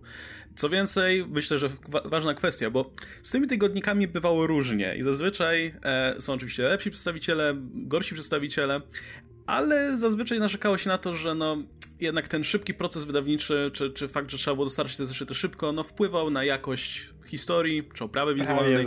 Natomiast, natomiast w Marvelu E, w, znaczy w Marvelu. W przypadku No Surrender, no tutaj któryś ze scenarzystów chyba mówił, że już mają całą historię zrobioną. Jakby jest skończona, jest, jest już gotowa po prostu do, e, no, do wydawania. Więc hej, to jest, to bardzo uspokaja tutaj. No i co więcej, no nie jest to seria, która będzie trwała jak bardzo, bardzo długo, no to ma mieć ile? 12 zeszytów tak, czy 16? Takiego. 16. 16, okej. Okay. E, no i będziemy mieli tą jedną historię, która ma być z jakiegoś powodu istotna, ma pewnie, pewnie znając, życie, znając życie i znając tutaj politykę Marvela ostatnimi e, czasy, no to będzie jakoś nawiązywać oczywiście do przeszłości, do historii Avengers. E, pojawi się Voyager, czyli ta postać, która ponoć była niesamowicie istotna dla Avengers, ale przez co nie zapomnieli. Trochę jak Sentry. No trochę jak Sentry. Pojawi się też e, inna postać, która była znana w komiksach wcześniej, może nie aż tak bardzo, e, czyli Living Lightning, który teraz się będzie nazywał Lightning po prostu. Jest bardzo śmieszny. E, pamiętam do teraz cały czas fragment wywiadu z Tomem Brewurtem, gdzie e, redaktor się go pyta, E, nie, po prostu redaktor zarzuca temat, że no, pojawi się tam Living Lightning, teraz znany jako Lightning. I Tom Brevoort mówi, no, już nie jest Living. I, i, i, zasugerował, że może to być jakiś foreshadowing, więc hej, zobaczymy. samo to, jakby sama, sama forma wydawania tej historii samej myślę, że jest dość ciekawa i jest dość interesującym eksperymentem, bo, bo zazwyczaj po prostu mieliśmy jakiś tam losowy crossover, gdzie trzeba było czytać konkretną Albo serię, event. zwykle każda seria była pisana przez kogoś innego. E, no właśnie, natomiast tutaj mamy cały duży projekt, nowy branding w ogóle dla całej tej historii, w tym czasie te serie zostają zawieszone. No ciekaw jestem jak to wyjdzie, czy, czy to jest dobra właśnie idea dla, dla tego typu no crossoverów. Marvel no, próbuje no, zastąpić trochę event, bo zarzucało mu się, mhm. że non-stop robi eventy. E, jednak warto zaznaczyć dużą różnicę między tym a klasycznym eventem. To są tylko te trzy serie, które się łączą na te 16 zeszytów. To nie jest event, który ma swoją własną serię z własnymi tajnami i tak dalej. No, takie crossovery są częste nawet. W DC mieliśmy niedawno, co prawda, może nie najlepszy, ale był ten Lazarus kontrakt, był Debaton. To wszystko polegało na tym, że mieliśmy dwie serie, one się na kilka chwil splatały w jakby jedną historię. To nie jest nic nowego, ale no tu trochę skala jest większa, bo 16 zeszytów to jednak rzadko dobijają takie serie. No ale, ale jest i yy, jednak no, ewidentnie Marvel kombinuje jak trochę ten nadmiar eventów napchnąć. I oczywiście e, reakcja często jest taka, jak ludzie widzą Avengers No Surrender, o, Marvel znowu wyjeżdża z tymi eventami. No, no, nie, no to nie jest event. Właśnie starają się znaleźć jakiś taki złoty środek pomiędzy, tak mi się wydaje przynajmniej. No jest to tyle dobre, że możesz w sumie pominąć ten event po prostu, a potem wrócić swoje, sobie do tych serii. Jasne, że będą konsekwencje tego, ale nikt cię otwarcie nie, nie zmusza do czytania kolejnych serii. Nie masz tak, że czytasz swoją serię, kupujesz kolejny zeszyt i się okazuje, że musisz potem, wiesz, dwie inne czytać, żeby tę konkretną historię załapać. E, jeszcze jedna rzecz, Hulk wróci w tej historii. No, to jest takie, Hulk, więc... powiedzmy, no i, ale to akurat myślę związane z filmem przede wszystkim. Bad guyami, chociaż nie wiemy do jakiego stopnia tej historii, będzie Black Order Thanosa, który większość gości z tego Black Orderu jest martwa dzisiaj, ale kiedy to kogokolwiek powstrzymało w komiksach. No właśnie. I jeszcze jak już jesteśmy przy zapowiedziach Marvela, no zapowiedziano coś, co się nazywa Infinity, albo They Hold Infinity. Marvel opublikował poster, gdzie mamy trzy postacie, Star-Lorda, Logana i Captain Marvel. Każdy z nich ma jakiś Infinity Gem. E, I mamy dwa, dwa komunikaty. Jeden They Hold Infinity, zakładam, że to jest jakiś tytuł. E, I niżej jest jeszcze, że e, The Countdown Begins in February, więc hej, kolejny nie event. E, więc Marvel bardzo się stara, żeby zapełnić pustkę po tych eventach, których obiecał nie robić. No ale oczywiście wiadomo, że to też ma jakby e, wpisać się w e, oczekiwanie na Infinity War, na film, mm. który... Jeśli ja coś... No Civil War 2, ten sam, ten sam, ta sama, to, samo, to samo działanie powiedzmy. Jeśli ja mogę coś wnieść jako osoba, która nie czyta Marvela tak super regularnie, głównie do podcastów w tej chwili, tak, i żeby się przyznać, e, moim zdaniem to jest świetne wyjście dlatego, że to co, to, co musimy się zastanowić, w momencie jak rezygnujesz z eventów, musisz się zastanowić tak naprawdę, co tak naprawdę ludziom przeszkadza w nich i co ludziom się podoba. I jeżeli wyciągniesz po prostu wszystko, co ludziom przeszkadza w eventach, to dostajesz właśnie tego typu crossovery. E, które właśnie możesz zignorować, które nie są kompletnie wymagane do czytania, żeby zrozumieć obecny status quo uniwersum, czy coś w tym stylu, ale na, nadal dają ci ten ekscytujące wydarzenie, że dwie, że postacie się spotykają ze sobą i muszą walczyć razem, czy coś w tym stylu. Więc moim zdaniem to jest bardzo dobry krok, który może zaspokoić dwie grupy. Zarówno tych ludzi, którzy byli zmęczeni eventami, takimi właśnie bardzo wymagającymi, które nakładały swoje piętno na wszystkie tytuły wydawnictwa, a tymi, którzy by chcieli mimo wszystko tego typu wielkich wydarzeń i e, spotkań między bohaterami, między tytułami. No, zaletą też jest niewątpliwie brak tainów w takiej serii, bo masz po prostu 16 zeszytów, które mają opowiadać jakąś spójną historię, a jak mieliśmy na przykład w niedawnym Secret Empire, które mm, miało taki moment, nie pamiętam między którym, pod koniec, gdzie wydarzenia z jednego komiksu były prawie niezrozumiałe, jeżeli nie czytałeś Kapitan Ameryka tam 25 czy coś takiego. I e, wiadomo, tutaj ma być ta jedna historia 1.16, tak? I, I, trzech scenarzystów, którzy, którzy to piszą. No, co prawda, jeżeli ktoś lubił którąkolwiek z tych serii Avengers, to może narzekać. No ale to tak samo było, jak ktoś lubił Batmana, czy lubił Titans, czy cokolwiek, to może mógł narzekać, że mu akurat ten crossover się wciął i teraz, żeby go zrozumieć, musi czytać y, dwa, trzy tytuły. Chyba w Titans były też trzy, nie? To było Titans, Teen Titans i co było trzecie? Deathstroke. No, no to tutaj też jest y, trzy tytuły. No, jeżeli czytasz jeden z tych trzech tytułów, akurat w tym wypadku y, Avengers i tak będzie y, kancelowany, ale, ale Uncanny Avengers czy Avengers czytasz, no, no, no możesz mieć problem, ale, ale z drugiej strony, jeżeli to miały być event, to i tak to by się stało, a tak jakby... Ale to nie, nie jest tak duża cena, jak gdyby w tym momencie, bo jeżeli czytasz jeden tytuł, to musisz po prostu na te kilka tygodni po prostu przejść na inne tytuły także.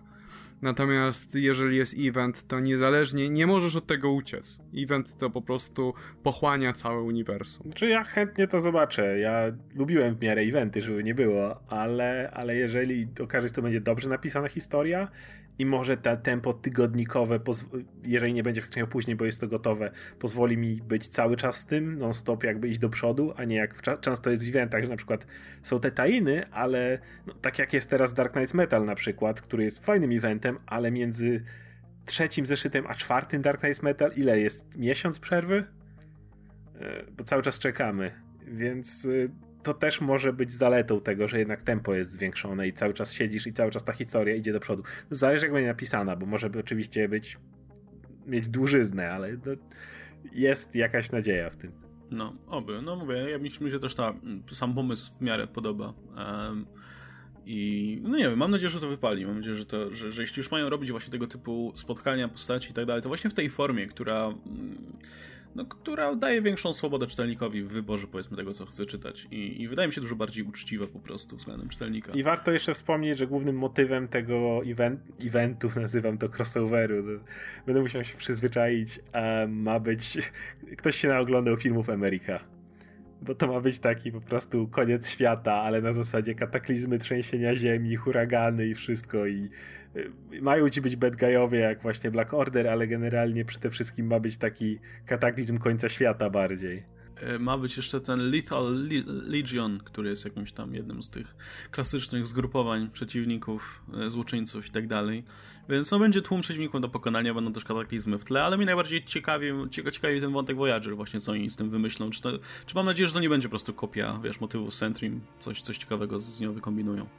Okej, okay, to przejdźmy w takim razie do najważniejszej informacji. E, myślałem, że ten motyw z Bendisem, który przychodzi do DC, będzie najważniejszym tematem, który tutaj poruszymy, ale nie, okazało się, że Marvel nie chciał być gorszy i gruchnęła informacja, że oto Axel Alonso, czyli editor-in-chief dotychczasowy, czyli gość, który odpowiada w dużej mierze za, w największej mierze, za kreatywną, powiedzmy, stronę komiksów Marvela, za cały kierunek, jaki wydawnictwo sobie obiera, żegna się z tą posadą i zastąpi go CB Sebulski. Właśnie naj, najważniejsze jest tym, że słowo gruchnęła to jest dobre określenie, bo nie tyle zastąpi, co zastąpi Już właśnie. Informacje o tym, że Cebulski zastępuje Alonso, dostaliśmy w dniu, w którym go zastąpił. I warto też dodać, że dzieje się to praktycznie zaraz po wprowadzeniu tej dużej inicjatywy Legacy, kiedy na dobrą sprawę Overlordzi, Myszkamiki i cała reszta nie mieli jeszcze okazji tutaj się zapoznać z tym, jakie, jakie to miało wyniki, konsekwencje i tak dalej.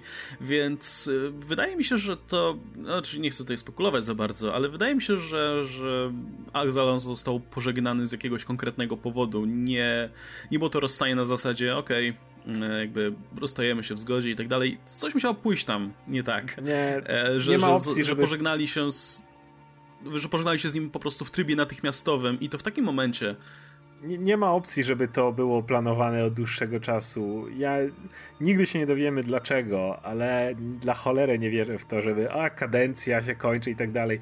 Popatrzcie jak kończył Quesada Quesada kończył swoją kadencję właśnie jak za niego Axel Alonso wchodził. No Quesada do dzisiaj jest cały czas redaktorem i da, dalej no robi... Właśnie, właśnie, o to chodzi, że robi dużo rzeczy. Alonso się rozstają zupełnie, nie? A Rosta... Quesada po prostu no, poszedł sobie wyżej, dostał da, inną Dalej posadę. działa, tak? Alonso znika kompletnie. Znika w dniu, w dniu, w którym jest to ogłoszone. To w ogóle jest mega. I najlepsze jest to, że właśnie gadaliśmy w tym odcinku o Bendisie. Z Bendisem to jest takie towarzyskie pożegnanie, no dalej kocham Marvela, jeszcze wam jakąś postać stworzę, jeszcze do grudnia będę pisał, jeszcze mam, chcę skończyć swoje historie.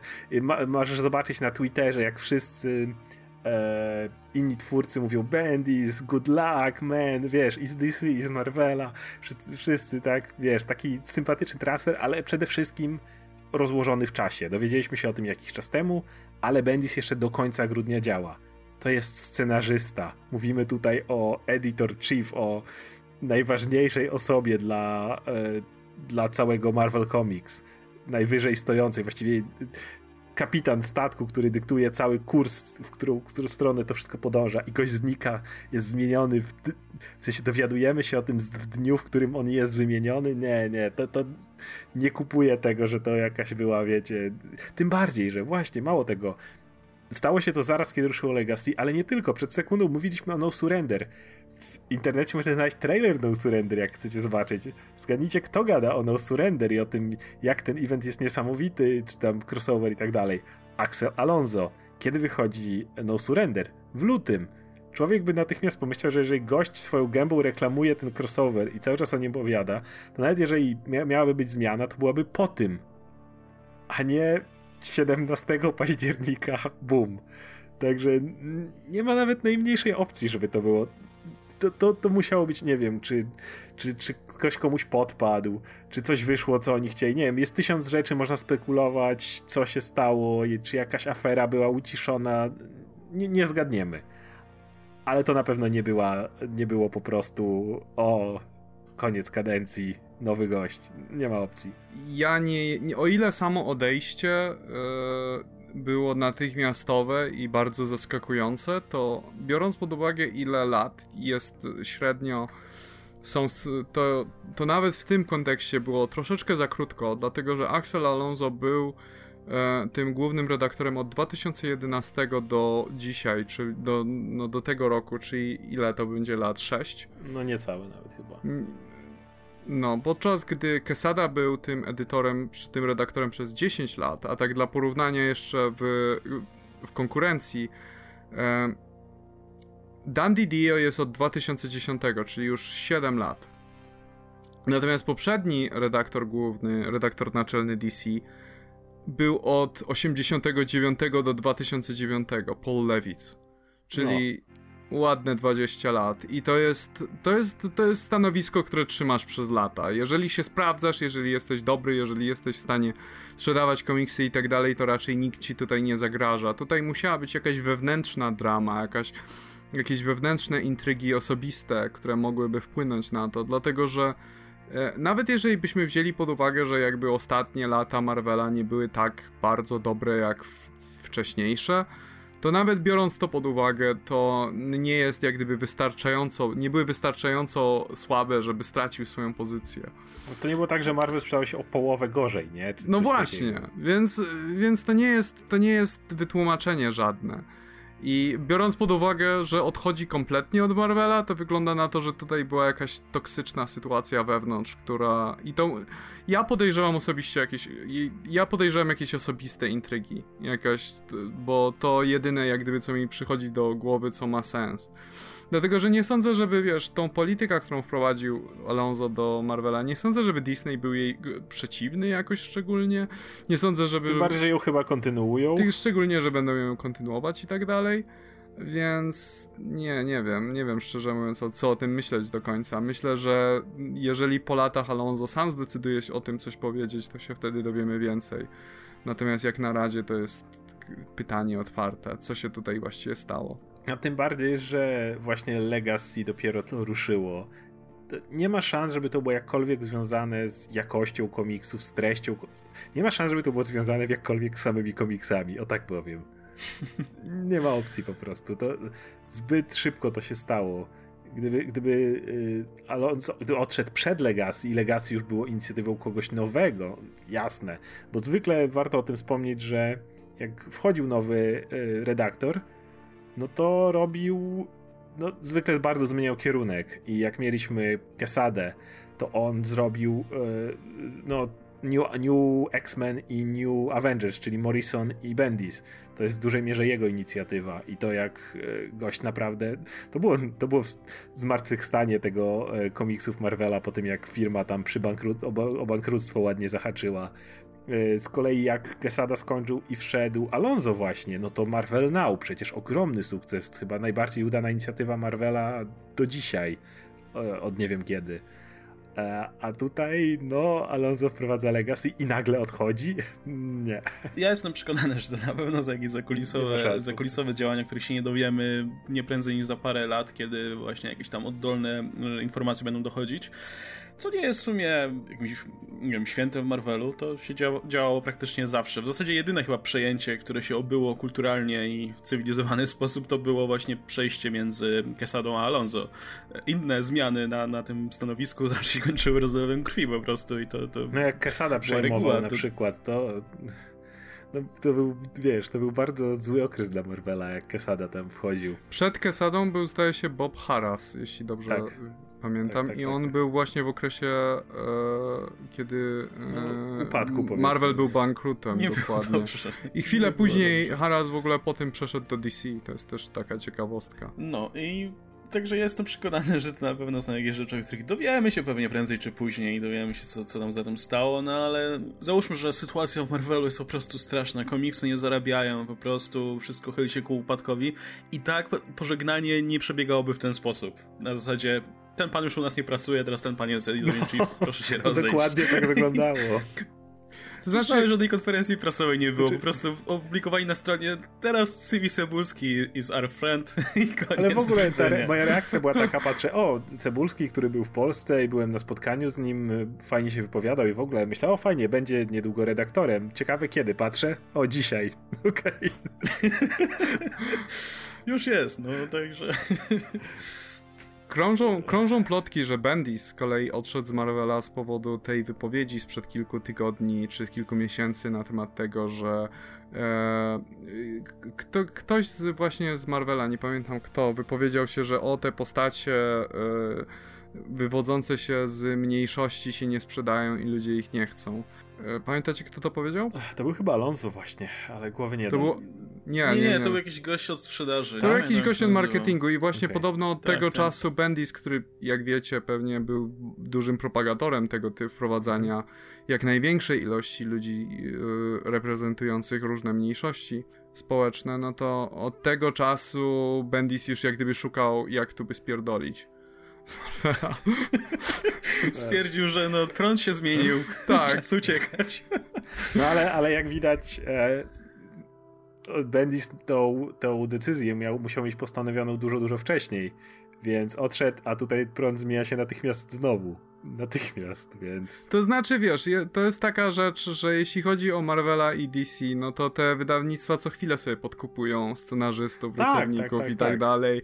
Yy, wiesz, jest cała masa propozycji, o których my się nigdy nie dowiadujemy, gdzie wydawnictwo proponuje jakiemuś rysownikowi czy scenarzyście, który pracuje w jednym wydawnictwie, żeby popracował w drugim i nigdy się o tym nie dowiemy, no bo to ten odrzuca i to po prostu okej, okay, sprawa zamknięta. No, Jeff Lemire, którego uwielbiam, to co chwila zmienia scenariusz te wydawnictwa i to na korzyść wychodzi, bo, bo cały czas tworzy tam świetne rzeczy. Zrobi tutaj trochę, skończył mu się pomysły, idzie do drugiego, tam zrobi coś świetnego i znowu idzie do tamtego, więc... Natomiast do końca jak było za Alonso i jak jest z Cebul Cebulskim, to nie, nie mamy pojęcia jak to właściwie przeszło. Czy, y, czy, czy mamy jakiekolwiek jak gdyby okoliczności tego podane, że Alonso żadnych, zrezygnował, czy żadnych. coś w tym stylu? Nie, wszystko co to... dostaliśmy do informacji, to że nawet oni w tych wszystkich doniesieniach bardzo był pomijany Alonso. Jakby wszystkie, jak przeczytasz jakiekolwiek e, ogłoszenia, jakiekolwiek informacje prasowe i tak dalej, one się bardzo skupiają na Cebulskim. One bardzo wszystkie skupiały się na tym, że Cebulski jest nowym gościem, że on teraz się zajmie, jakiś ten background Cebulski robił wcześniej i tak dalej. Wszystko jest wokół niego masz najwyżej jedno zdanie. Przejmuję to po byłym szefie Axelu Alonso. I to jest wszystko. No tak, nawet w tym oficjalnym oświadczeniu właśnie Marvela, które opublikowali, jest y, cała wypowiedź, że CV Cebulski przejmuje schedę i tyle. I, i jest, jest, jest o jego dorobku, tak. o jego roli dotychczasowej, o tym, co będzie robił teraz i tyle. I w zasadzie nie wiem, czy, czy Alonso jest więcej niż jedno, jedno, jedno słowo, słowo, że był do tej pory. Aczkolwiek na, nie wiem, tak jak w przypadku e, przejścia Bendisa, no to z jednej strony to, to, to Bendis dostał oczywiście w, masę słów wsparcia i tak dalej, e, tak na, no nie na Twitterze inni twórcy nie, nie ignorują tego, nie? Jakby masa rzeczy, jakby masa twórców e, zaczęło chwalić Axel Alonso też, także nie podpadł środowisku na pewno.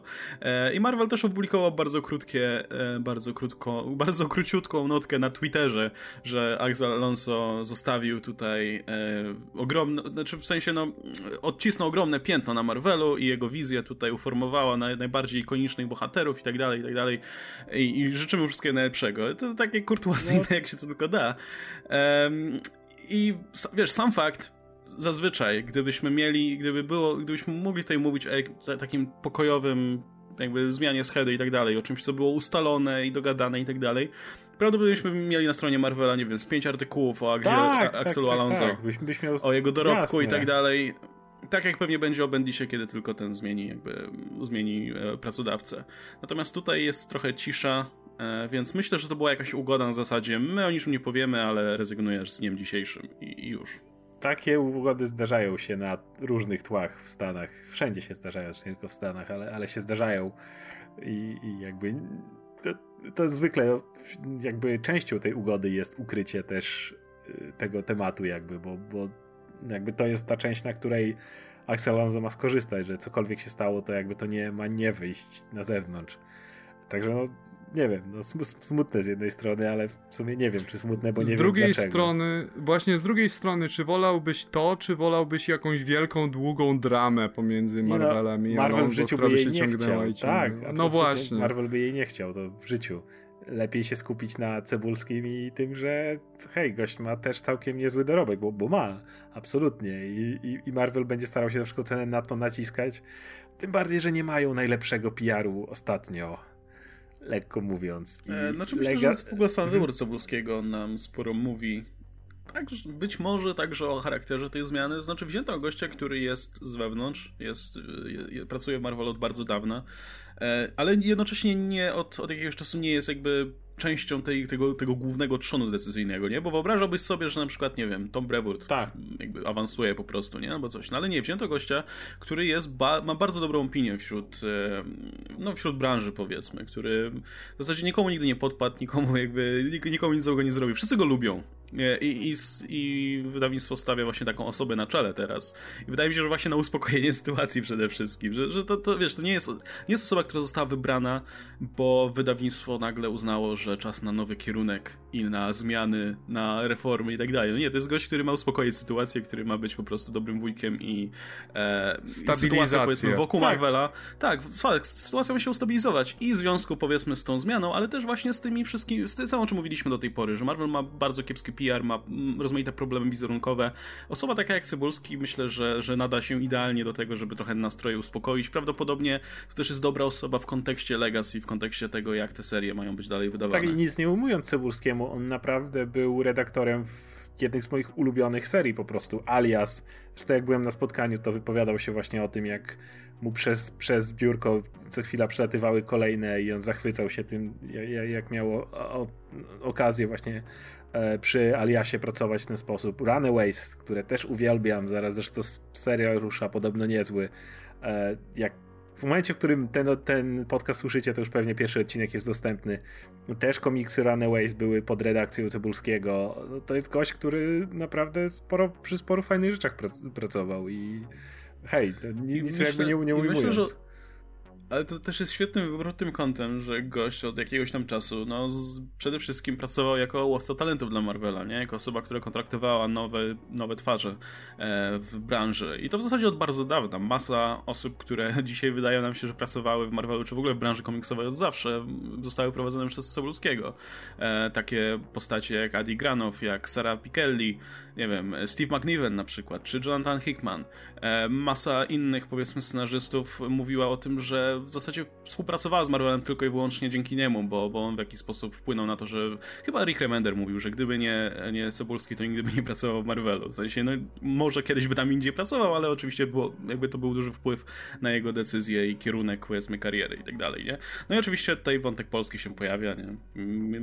Dzięki Cebulskiemu też e, Kasia Niemczyk e, pracowała, czy, czy dalej współpracuje z Marvelem. Także hej, jeśli właśnie, jeśli mamy narzekać na, jeśli, jeśli możemy oczekiwać napływu nowych talentów Marvelu i faktu, że ciekawi twórcy będą dostawać serię w Marvelu, no to być może, być może właśnie za kadencji Cebulskiego to będzie miało miejsce. Niewykluczone, bo to jest właśnie gość, który y, mogę powiedzieć, jak widziałem to na MFKIG, który faktycznie przyjeżdżał tutaj i się interesował i jakby Kasia Niemczyk była no, wiemy teraz, widzieliśmy jej pracę przy Mockingbird, czy ostatnio tym Iron Manie pojedynczym i tak dalej, e, ale to jest też gość, który interesował się różnymi innymi, którzy może wtedy nie mieli okazji, wiesz, dostać się jakby do Marvela, no bo wiadomo, jest różnie, ale to jest gość, który na pewno gdzieś tam ma zapisane przynajmniej różne talenty, kontakty do nich i tak dalej. Gość, który ma naprawdę ogromne rozeznanie wśród zapewne scenarzystów, rysowników, którzy, którzy mieli potencjał, ale akurat może w tym klimacie niekoniecznie pasowali z jakiegoś powodu. Więc pod tym względem może faktycznie się sporo ruszyć. Ale wiecie co, ja jeszcze jedno chciałem powiedzieć, to jest gość, który ma bardzo silny związek z fandomem i jak gdyby on zawsze jeździ na wszystkie, na wszystkie możliwe konwenty i tak dalej. I on zaczynał od w Marvelu. Właśnie poczytałem teraz troszeczkę o nim i ja tak czytam, że on tutaj zaczynał od projektu takiego bardzo niszowego, jakim było Marvel Mangaverse. Jako jeden z scenarzystów tam. I wciąż do tej pory, jak gdyby ma, ma specjalne miejsce w serduszku na mangę i tym podobne rzeczy, jak uczęszcza na mangowe jakieś konwenty i tak dalej. I z tego, co ja, z tego, co ja, ja odnoszę wrażenie, jak gdyby z tych różnych artykułów, które teraz randomowo jak gdyby wyszukałem, to jest gość, który jak gdyby ma takie, ma taką łatwość nawiązywania kontaktów i łatwość, wiesz, wychodzeniu cały czas do ludzi, więc myślę, że to jest idealna osoba na to, że jeżeli jest, jeżeli Marvel jest teraz w takiej pozycji, gdzie trochę musi się bronić przed krytyką i tak dalej, to jest idealna osoba, która jest w stanie uspokoić prasę, porozmawiać z ludźmi, czy nawet zrobić jakieś istotne zmiany, które nie byłyby druzgocące, nie byłyby rewolucyjne, ale byłyby wystarczająco dużo, żeby zwyczajnie jak gdyby wszystkim przywróciły wiarę w no, Marvela. Wizerunek ocieplić, ale to co mówisz też jest prawdą. No, jeżeli ktoś był dwa lata temu na Międzynarodowym Festiwalu Komiksu i Gier w Łodzi, to miał okazję posłuchać, jak Cebulski to jest gość, który jakby tak naturalnie się potrafił rozgadać. Można powiedzieć. Jak dostawał pytanie o coś, to nie był gość, którego trzeba było ciągnąć za język, że tak powiem. I świetnie no, się go słuchało wiesz, przez to. Do, do, tej pory bardzo często narzekano i, i właśnie na osobę Axa Alonso i na jego działania oczywiście, że, że są bardzo aroganckie i takie konfrontacyjne bardzo, nie? Więc, e, no więc tutaj wizerunek Cebulskiego i właśnie to, o czym mówicie, myślę, że niezależnie od tego, jakie były okoliczności tej, tej zmiany, to, to mm, no, ma to sens ogólnie, jakby ta, ta kandydatura. W obliczu, powiedzmy, tego, co się o Marvel obecnie mówi, jaki, jaki, jaki wizerunek ma ta firma, to osoba taka jak Cebulski, która będzie potrafiła właśnie złagodzić to i, i ma właśnie tutaj właśnie renomę osoby, która jest blisko związana z fandomem, no jest w sumie dobrym wyjściem jakby z tego problemu, nie? Ja odnoszę wrażenie w ogóle, że dla niego to jest tak samo zaskakujące jak dla nas. Może trochę mniej, bo wiedział o tym kilka dni wcześniej, czy coś w tym stylu, ale tak przeglądam teraz jego Twittera i tak jakby retweetuję tę wiadomość, tak wci wciąż szczypie się w rękę i tak... Szczerze nie no dziwię wiesz, się musiał, ja jestem pewien, że wiesz, on siedział sobie w tym Szanghaju, bo tam mieszka, bo tam się zajmował właśnie rynkiem azjatyckim między innymi. I siedział w tym Szanghaju, nagle dostał pewnie telefon i musiał z dnia na dzień się zbierać do Nowego no, Jorku. No, on y, przeprowadził się właśnie y, na wschód, y, kiedy po już, czy nie, stosunkowo niedawno, bo jeszcze w czasie dwa lata temu wiem, że mówił o swoim biurze w Nowym Jorku więc stosunkowo krótko tam mieszkał, więc nie sądzę, żeby to było coś, co tak się, że tak powiem, z dużym planem. To właśnie było dokładnie coś takiego raczej, że on tam spokojnie sobie siedział i słuchaj, za trzy dni będziemy ogłaszać. Tak. I, I, takie, co? Pakuj się. Tego tam pakuj się, i, się i, wracaj, pakuj, i wracaj do Nowego Jorku. Tak, no nie wiem, no wydaje mi się, że on sam był, jest w szoku do tej pory lekkim i właściwie i się znajduje w tej roli dopiero. Znaczy, i, i po co by nie mówić, czy o Kesadzie, któremu, który z Adamem y, mamy do niego wyjątkowy żal za jego finish, czy o Alonso, do, do, właśnie do którego wiele osób miało zastrzeżenia, to zarówno jak jeden, jak i drugi pan zaczynał, to zrobił masę dobrego i ten, ta zmiana kierownictwa w obu przypadkach dała niesamowitego kopa zarówno w kierunku w sprzedaży, no bo zarówno czy X-Men Morrisona, czy właśnie później te odnowienie Avengers, e, czy Marvel Now, to były naprawdę świetne inicjatywy. To były naprawdę inicjatywy, które bardzo, bardzo tchnęły trochę nowe, nowe życie w, w Marvela, więc e, w przypadku Cebulskiego nie, może, nie ma co się spodziewać tego na jutro, bo o tyle co jak Alonso i Quesada zostawali szefami, to no, był ten okres przejściowy i oni mieli już jakiś plan wcześniej. Tak jak mówimy przypadku Cybulskiego, to było na tyle nagle, że jeszcze trzeba liczyć najbliższe miesiące jako tak naprawdę plan Alonso, który jest po prostu teraz no, kończony, no bo już masa historii jest potworzona, pewnie tak jak mówiliśmy o No Surrender, który już jest skończone i tak dalej, no to są już jednak e, nie można tego, tego statku nagle zawrócić dzisiaj ale już jak będziemy myśleć o drugim kwartale następnego roku, to wszystko możliwe. Też mi się tak wydaje, ale też cieszę się, szczerze mówiąc, ponownie, niezależnie od tego, jakie były okoliczności tej zmiany, to cieszę się mimo wszystko, że no, że Alonso został zmieniony, bo od jakiegoś czasu, nie, szczerze mówiąc, nie widziałem za bardzo jasnego kierunku, w jakim Marvel miałby podążać. Też same decyzje mnie momentami konfundowały, momentami irytowały. Tak jak Marvel Now był fajną inicjatywą i potem All New Marvel Now dwa lata później, kiedy wprowadzono sporo nowych serii, mm, wiele z nich odniosło duży sukces, wiele z nich było kontynuowanych aż do teraz praktycznie. E, wiele z nich jest dalej kontynuowanych, jak jest Marvel na przykład. Mm, I wydaje mi się, że, że to był ten, ten moment szczytowy, potem już było tylko gorzej, tak naprawdę. Jasne, że były lepsze i gorsze historie, lepsze i gorsze momenty, ale tak naprawdę od tamtego momentu nie miałem poczucia, że coś fajnego się dzieje tak naprawdę w Marvelu e, i że, że wydawnictwo ma jakiś pomysł na siebie i to wyglądało właśnie jak takie trochę błądzenie po masku przez dużą część czasu.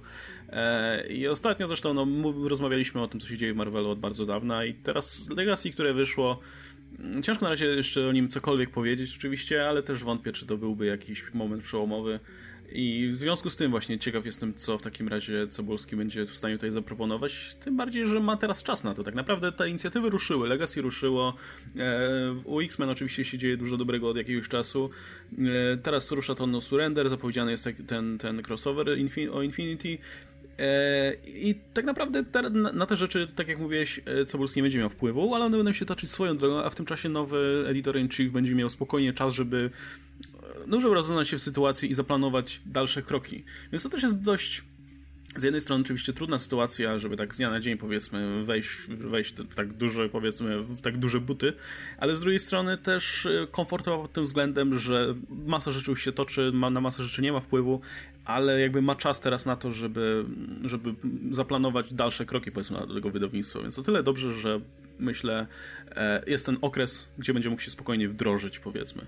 No tak jak mówiłeś, Marvel Now było rewelacyjnym pomysłem, to był tak naprawdę to było konieczne, ponieważ to był ten moment, kiedy już e, filmy e, zaczęły się rozwijać, już e, Robert Downey Jr. był kojarzony z Iron Manem, już wiadomo, że MCU ruszyło z buta i jest masa potencjalnych nowych czytelników, którzy obejrzeli ten czy tamten film, czy zaraz obejrzą kolejny film i będą chcieli sięgnąć po komiks. I była konieczna inicjatywa, która, żeby nawet nie chodzi o to, żeby upodobnić postacie do filmów, jak nieudolnie wyszło z Guardians of the Galaxy, ale żeby jednak dać tym wszystkim ludziom taki mocny punkt startu, taki bardzo mocny punkt, w którym możesz tu czytać, jest jakaś historia za tobą, ale w tym miejscu powinieneś generalnie wszystko złapać. I to tyczyło się właściwie wszystkich serii.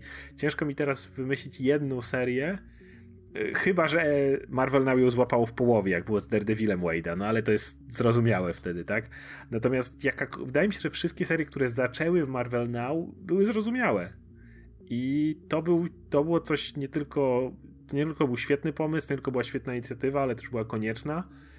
E, natomiast później wydaje mi się, że przez masę no, mówiło się o tym, że na przykład Secret Wars to miał być re reboot i wszystko wskazywało na to, że jest reboot i to był ewidentnie reboot wyhamowany. Więc All New, All Different Marvel miało się wrażenie, że jest pospiesznie zrobione. Tak, miało się takie odczucie co do masy tych serii, że one niekoniecznie miały mieć taką kontynuację, ale muszą mieć kontynuację, tak jakby na szybko trzeba było tym scenarzystom mówić, ej, mieliście pisać coś nowego, ale nie, nie, nie, tak właściwie to piszcie dalej to, co pisaliście. I to tam już zaczęło się czuć, że coś jest nie tak jakby, że, że, że coś tutaj nie gra. I później był ten cały, cała historia jakby do Secret Empire, ale wydaje mi się, że, że jakby poza tym, tak, tak jak mówisz, trochę gdzieś ten kierunek się zgubił. E, który na początku był dosyć mocny.